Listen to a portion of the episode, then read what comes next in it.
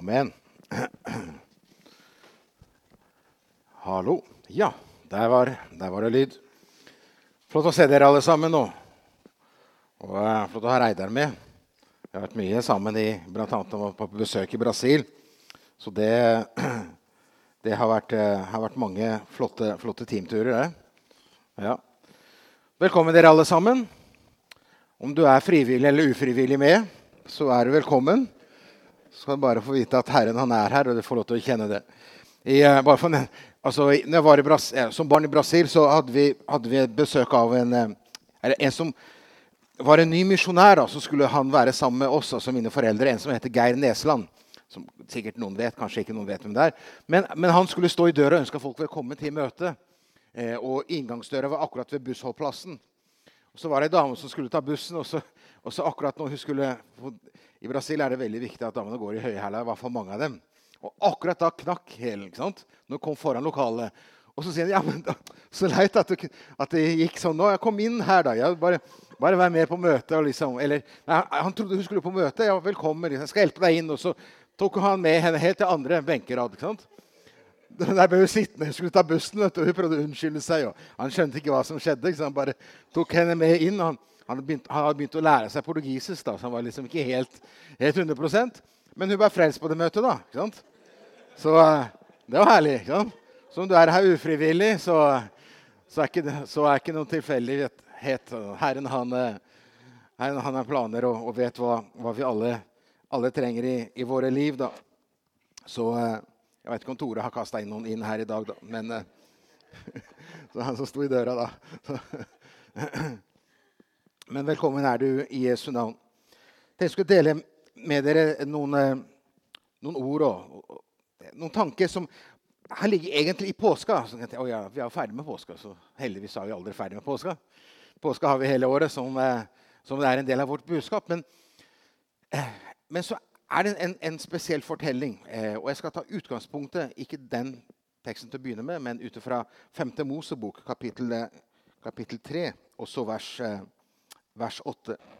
Så jeg satt som, eh, som tittel eh, 'Ser du han?' Altså 'Ser du Jesus?' Og det her er et, et løftesord til, til, Guds folk, der det står eh, i eh, har jeg referert feil? Er det femte Mos? Er det Ja. Det var helt, helt feil referanse, selvfølgelig. Jeg har skrevet, Det er 31,8. 31 og vers 8. Så, eh, så blir det gitt eh, litt mer mening. Det er For hvis ikke det Så står det Herren, han er den som går foran deg. Får vi opp det? Ja. Han er den som eh, selv går foran deg. Han skal være med deg. Han svikter deg ikke og forlater deg ikke. Frykt ikke og bli ikke forferdet, eh, står i min oversettelse. Eh, det er et ord som er gjentatt i Hebrebrevet kapittel, kapittel 13. Men der er det knyttet opp imot det økonomiske. Vær ikke pengeskjær det, å stole på Gud i alle omstendigheter i livet, eh, uansett hva det enn er. Og det, I den konteksten her så er det Guds folke som skal inn og innta løfteslandet, det landet som Gud hadde lovt dem. Så er det da i denne talen der Moses på en måte over, overdrar til Josfa, som skal lede folket inn, så er det da dette, dette, dette ordet kommer fram her. At ikke de skal frykte, for at Herren han svikter deg ikke, han forlater deg ikke. Eh, så vær ikke redd. Ikke Men så er det det at, at vi kan oppleve at, at, livet er akkurat der at, man, at motet svikter. At uh, du hører om, uh, om, løftene i Guds ord, og du vet at løftene er der. Du vet du skal søke Guds rike og hans rettferdighet, så skal du få alt det andre i tillegg. Og så opplever du noen ganger at løftene kan være så langt unna fordi du opplever du har problemer, du har sykdommer. Det, livet er plutselig helt uforståelig vanskelig, og du skjønner ikke hvorfor ting er som det er. Eh, og da tenkte jeg, som da jeg var i forberedelse, med en gang på fortellinga om Emaus-vandrerne. I det perspektivet av hvordan vi mennesker reagerer med skuffelse. Altså vi kristne noen ganger. Ikke bare mennesker, men vi kristne kan reagere på skuffelser i livet. Og hvordan Jesus møter oss. Så den teksten av Emausvandreren som, som vi kjenner jo så godt, og som er så fantastisk talende, som, vi, som er referert til her i, i andre, andre, påskedag, i møtet som vi hadde her, blant annet, og det ble lest ut ifra den. Det er en tekst som vi kjenner veldig godt. Men samtidig er det, er det en interessant tekst fordi det handler om disipler, de som hadde fulgt Jesus, og handlingsmønsteret deres. Hva de gjør i det øyeblikket Alt er uforståelig av det å være en kristen, av ting, av ting som skjer i livet.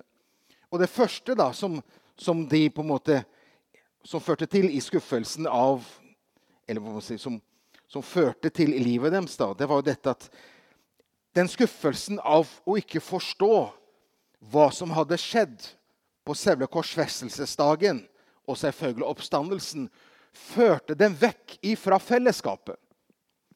Istedenfor å være i Jerusalem sammen med de andre, så, så var de så skuffa over det som hadde skjedd, at de, heller, de vil heller gå mot Emahus.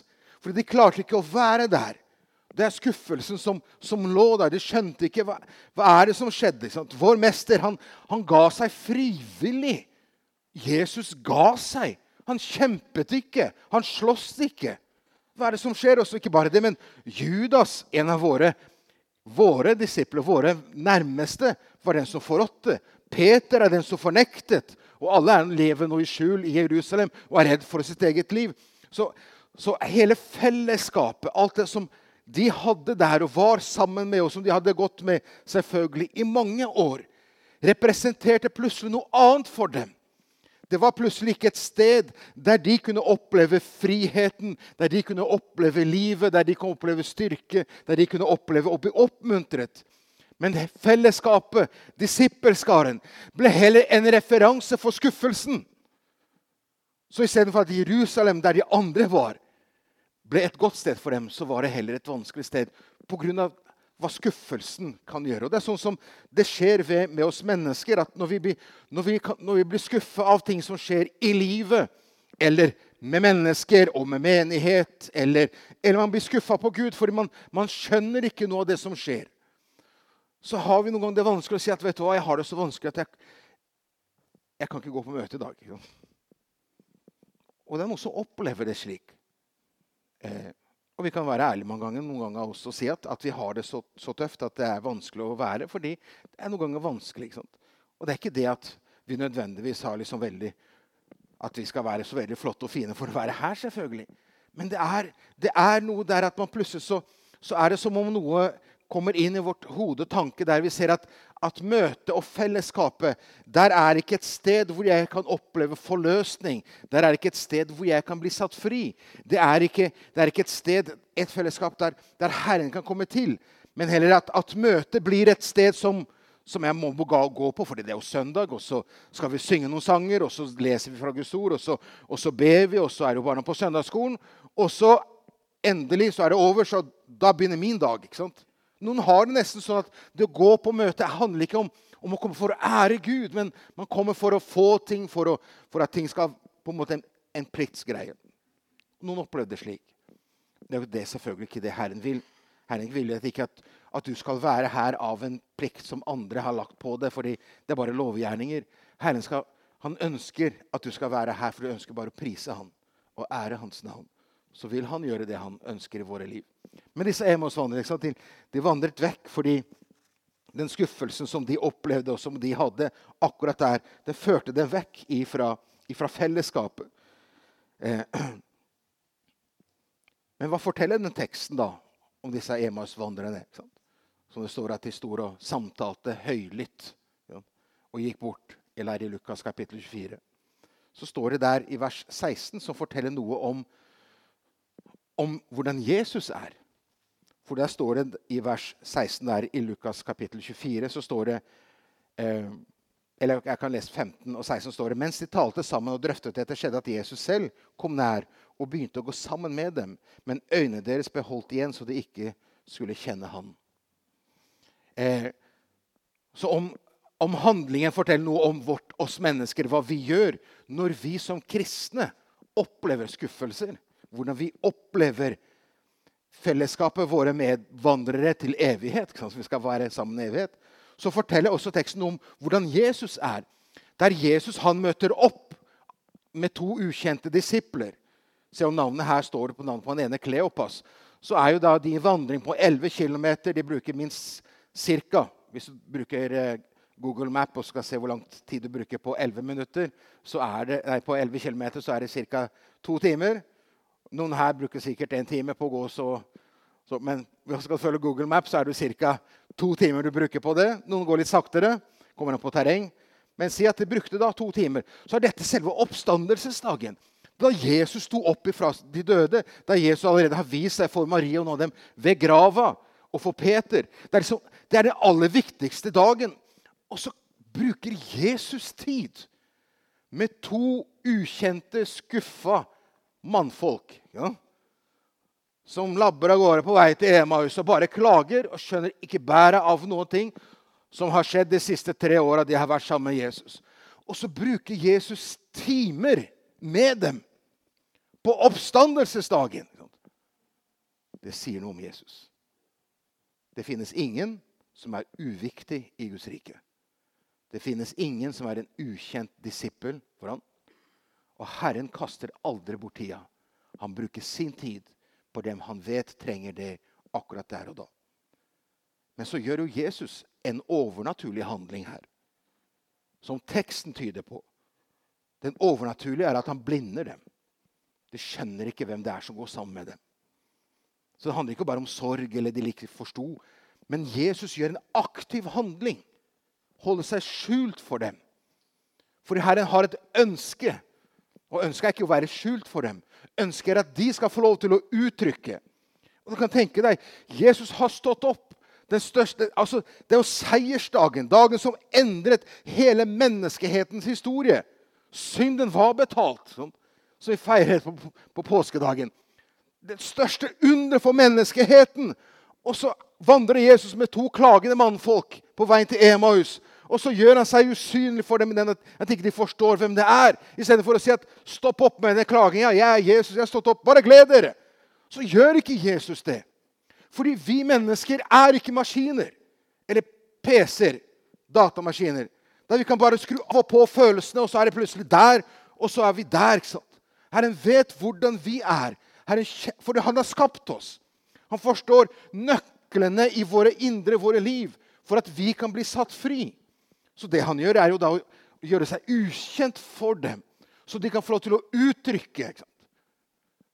Om man kommer nærmest humor i Bibelen, så er jo det de versene neste, eller det neste Jesus da på en måte sier. ikke sant? Der Jesus spør ja, hva er det dere går og på en måte eh, og, og, klager over. ikke sant? Så, så det, eller snakker om. Sånt, og der er du den eneste ikke sant? som ikke har, har, hørt om det som har, eller kjennskap til det som har skjedd i disse dagene. Så står det der i begynnelsen av vers 19, der Jesus sier eh, Og hva er det? ikke sant? Det er litt sånn der, vet ikke, jeg hadde glimt i øyet. liksom. Oh, ikke sant? Ja, Han har nettopp stått opp hæ? fra de døde. Der er han levende. Så sier Jesus, hva er det? ikke sant? Så man kan komme nærmest humor. ikke sant? Så er det nesten der. Da Jesus liksom bare ja, ja, hva mener du med det? ikke sant? Der, der, Jesus gir mulighet for det skal bare uttrykke. Og for, for, meg så sier den teksten selvfølgelig veldig mye åssen vi er.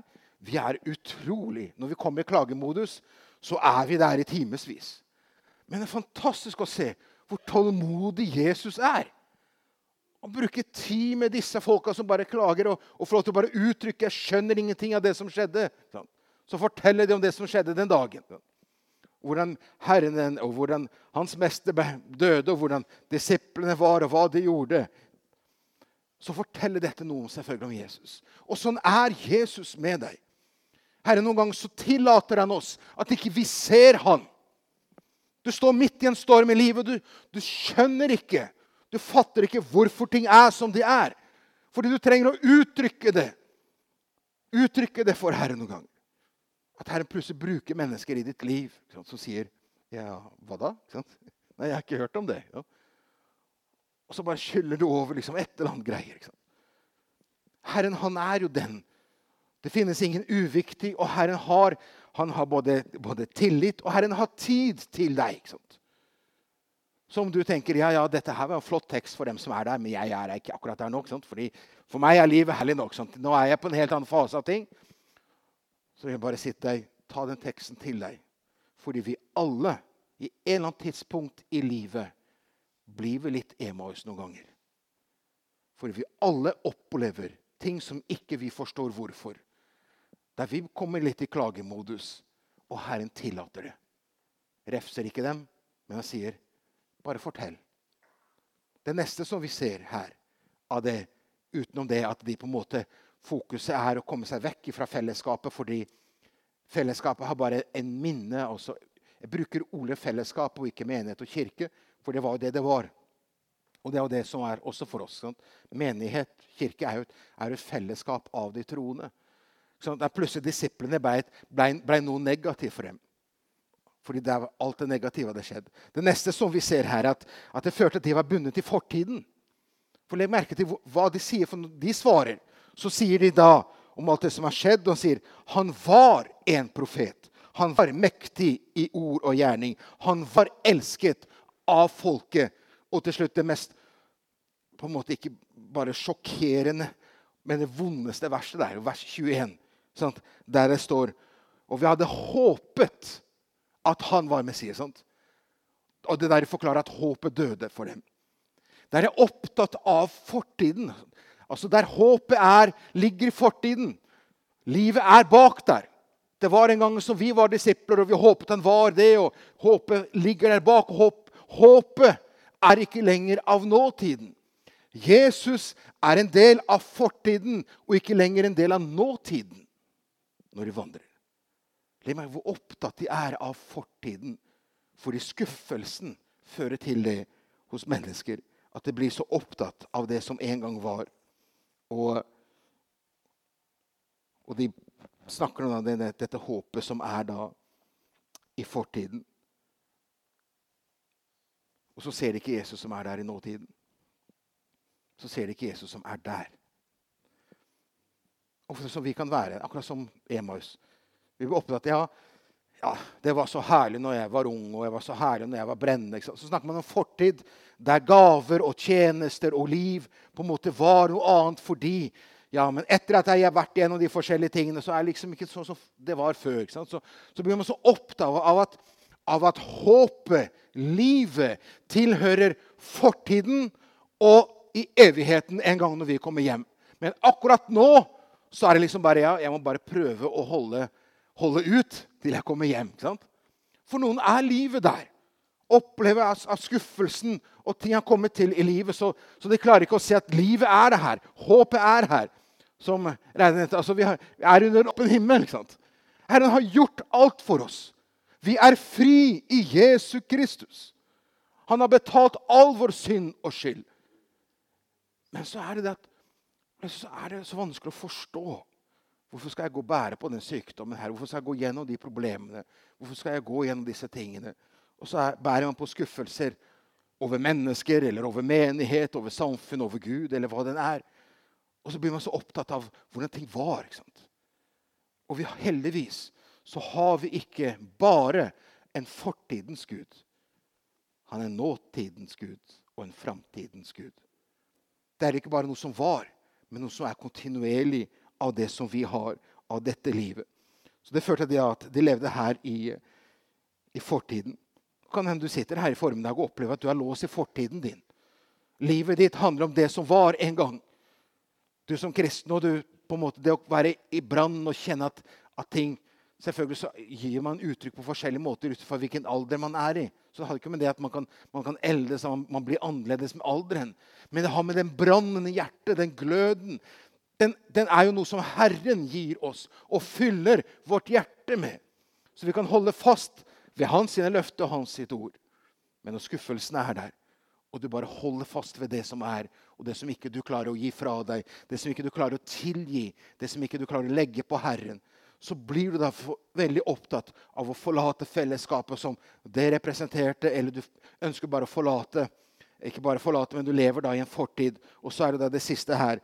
De ser ikke det vi kan si av dette her, de ser ikke Guds handling i nåtid. Og det er det verste. Fordi de, sår, de ser ikke hva Gud gjør akkurat der og da. Fordi det sier de versene etterpå, når de har forklart Jesus sant? om hva som har skjedd. Og så sier de ja, noen av kvinnene har vært ved grava. Og så sier de at han har stått opp. For, for, noe, for, en historie. ikke sant? Det var til og med en av våre nærmeste, altså denne disiplene var i grava og så på dette. her. Det står i vers 22. Noen av kvinnene blant oss kom tidlig til graven og opp her, Eller nå har noen kvinner iblant oss som kom tidlig til graven, oppskaket oss. De hadde ikke funnet kroppen hans, men kom og fortalte at de hadde sett et, et syn av engler som sa at han lever. Og vers 24. Men en av dem som var sammen med oss, som er da selvfølgelig Peter og, og Johannes, gikk da til graven og fant nøyaktig slik kvinnen hadde sagt. Men han så det ikke. Så de, de hører budskapet om håpet. De hører budskapet om underet, men de forstår det ikke. Fordi de er så låst i hvordan ting er i livet at de lever i fortiden, at de klarer ikke å se hva Gud gjør nå. Undret gikk sammen med dem. Jesus var der. Det har vært veldig undre for Jesus stått der og høre med dem. Liksom. Så tenker jeg ja, ja, snart kommer jeg inn her. Så skal jeg fortelle dem. Men dette her, hvordan man kan bli låst i livet på en slik måte at der, der Jesus på en måte ikke er en del av nåtiden, men Jesus er bare en del av fortiden. Og for noen kristne er det en virkelighet. Jesus og Guds løfter hører enten til fortiden. Jesus og hans løfter hører til framtiden, men ikke nåtiden. Herre er ikke herre i dag fordi jeg forstår ikke, jeg skjønner ikke, ting er slik i mitt liv. Og så får vi lov til å lese i den teksten hvordan Jesus da etter hvert åpenbarer seg for dem som Herren ønsker å åpenbare seg for hvert eneste en av oss. Så vi skal få lov til å se at han er oppstått. Han lever. For det brant i hjertene, står det her. Det står i 2. Korinterbrev kapittel 6. Så står det der i slutten av vers 2 så står det Nå er nådens tid. Se, nå er frelsens dag. Handlingen er nå. Herre er Gud i dag. Uansett hva som skjer i ditt liv, uansett om ikke du forstår noen ting av det som du har gått gjennom eller går gjennom. Herren er allmektig. Sant? Om jeg skulle tatt en håndsopprekning Jeg skal ikke gjøre det. Sant? Men hvem er det som ikke har fått frokost i dag? Så regner jeg med i hvert kanskje 99% av dere her har i hvert fall fått tilbud om frokost. Om ikke alle spiser frokost. Sant? Jeg regner med ingen av dere fryser når dere sitter her. Kanskje noen gjør det. ikke sant? Få litt Maravan, så hjelper det litt. Sant? Fryse litt mer. sant? Men vi sitter på en god stol her. Sitter i et, et lokale. Mange av dere får en pensjon. Mange av dere har en jobb. Noen av dere går på en skole. Noen av dere har helse til å drive og jogge og gå på og ned i fjelltoppen her. Flere ganger i uka. Ja, Hvorfor har vi alt det, det vi har her, da? Er det fordi du er så flink, eller fordi du er så klok, eller fordi du på en måte har jobba deg til, eller fordi du er så på en måte så, du har studert så mye at du får gode karakterer? Nei, alt det er jo selvfølgelig Du må gjøre innsats, men alt den innsatsen som du får lov til å gjøre, er en gave fra Gud. Den allmenne nåde. At du har helse, at du lever, at du er her i dag. Alt det vi har, alt det vi eier, alt det vi driver med, er en gave fra Gud. Vi kan ikke garantere noen ting av morgendagen. Du kan trene så mye som du vil, og så plutselig i morgen så skjer det et eller annet. Så er det borte. Alt er av nåde. Men noen ganger så forsvinner det i, det, alt det der som av problemene. Så ser vi ikke Guds handling. At vi går i en ny nåde hver eneste dag. Herren gir oss gaver på gaver på gaver. Du har barn, du har barnebarn, du har familie, du har venner. Du har et fantastisk sted som du bor her på Moster. Hvis du bor her, da. Andre bor på i Rogaland et sted. et eller annet sånt der. Vi har noen besøkende her. Ja. Andre har hjemlandet et annet sted. Men, men Herren han går jo med oss hver dag. Han er der. Men så klarer vi ikke å se det fordi vi ser vår mangel på ting som skulle ha vært i livet. Og så ønsker Herren bare at du skal få lov til å se at han er med deg. Og Det er det da Jesus gjør med dem. Når han er der i vandrer sammen med dem så sier han da, ikke sant, etter at de har fått uttømt sitt hjerte, så gjør han det som en god kjelesorger skal gjøre. Jeg gikk på sånn sjelesorgskurs for mange år siden. For ikke nevne navn da, Men da var det veldig viktig å speile. Du speila personen, og personen prata, og du speila. Ja, hva vil du gjøre med det? Og hvor vil du hen med det? Du, som, du, skal bare speile. Du, når personen er ferdig i samtalen, så liksom, ja, Gud velsigne deg. Så liksom, Jesus speiler og hører hva de sier. Men så sier Jesus konfronterende med hans ord. ikke sant? For da har han speila nok og spurt ja, hvordan har du det, hvordan opplever du det. Jeg skjønner ingenting. Sånn. Og så sier da Jesus dem, til dem i vers 25. Da sa Jesus dem, hvor, hvor uforstandige dere er, og trege hjertet til å tro alt det profetene har talt. Og da plutselig tar Jesus tak i Guds ord og gjør ordet levende igjen og sier dette her er løftene som Gud har gitt. Og de står evig fast. De gikk i oppfyllelse, og de går i oppfyllelse. Herren handler i dag. Herren er ikke passiv. Herren er ikke en fortid. Herren er ikke i en framtid. Herren er her nå. Jeg står her, sånn, ville han sagt. Og vi sier det kanskje et par minutter seinere når han står der og bryter brød hjemme hos dem. Men er? Jesus, Jesus går inn i handling og viser at han er livet. Så brenner det i hjertet på dem. For han ønsker at de skal forstå det. At hans ord står evig fast.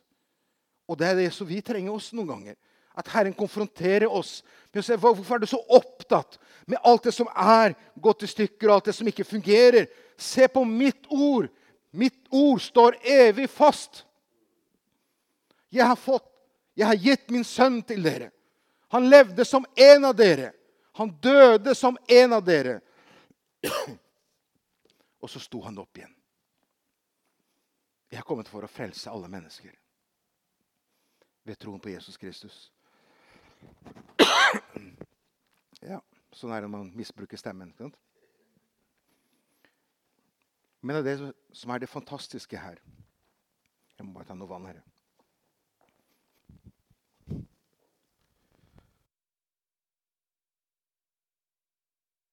Det er akkurat dette med at Herren han møter opp der vi er i livet. Så istedenfor å skyve han vekk, så kan vi få lov til å invitere han inn i våre liv. Hvordan har du det her i, i formiddag? Ser du Jesus? Det var det jeg begynte med som tittel. Ser du Jesus i livet ditt?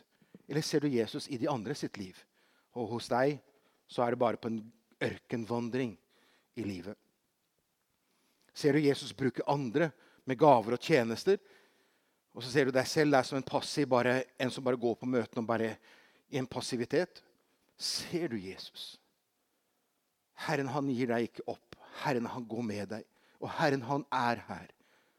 Han ønsker bare at du skal åpne ditt hjerte og få lov til å si til han, ja, Herre, det er sånn jeg har det. Og så skal du få lov til å oppleve at han er her. Vi har ikke bedt han ned her. Vi har ikke hatt noen spesiell sånn innledningsseanse for at nå må du komme ned. Han er her. Der vi er samlet i hans navn, så er han midt iblant oss ved sin ånd. Så Herren er her. Skaperen av himmel og jord. Han som vandrer sammen med disiplene. Han er her. Mulighetene er her. Og så er det da å kunne bare gi det til Jesus. Si, Herre, Herre, berør du mitt hjerte.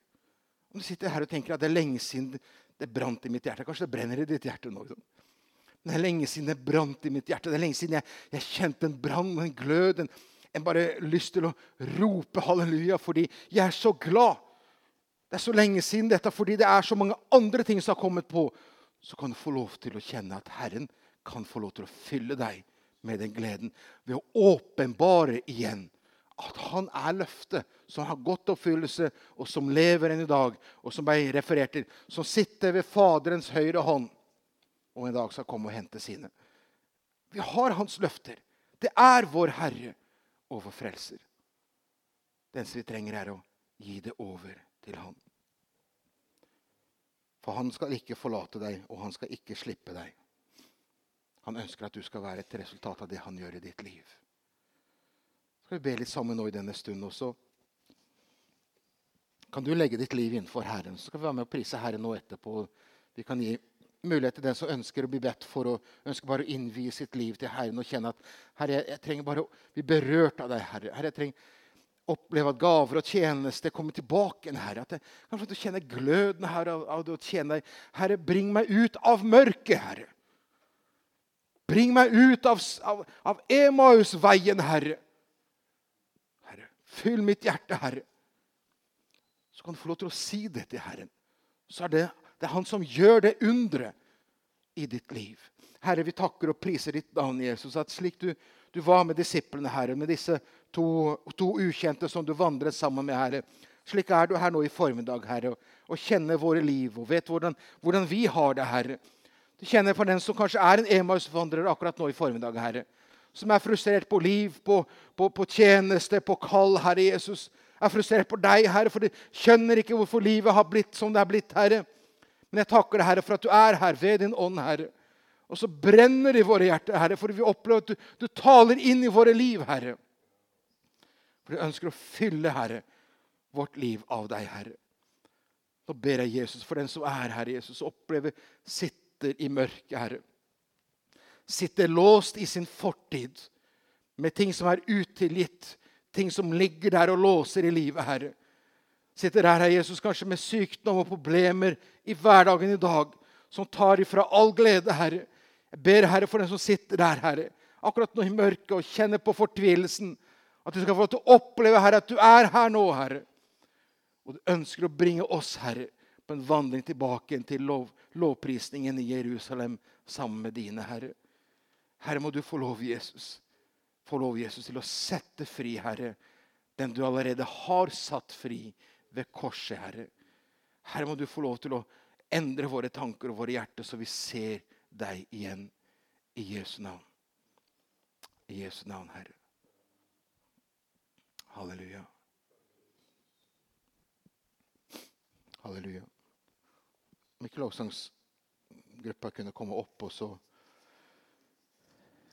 er vi med nå på avslutningen av møtet og i, tilbedelse til Herren. Som du ønsker bare å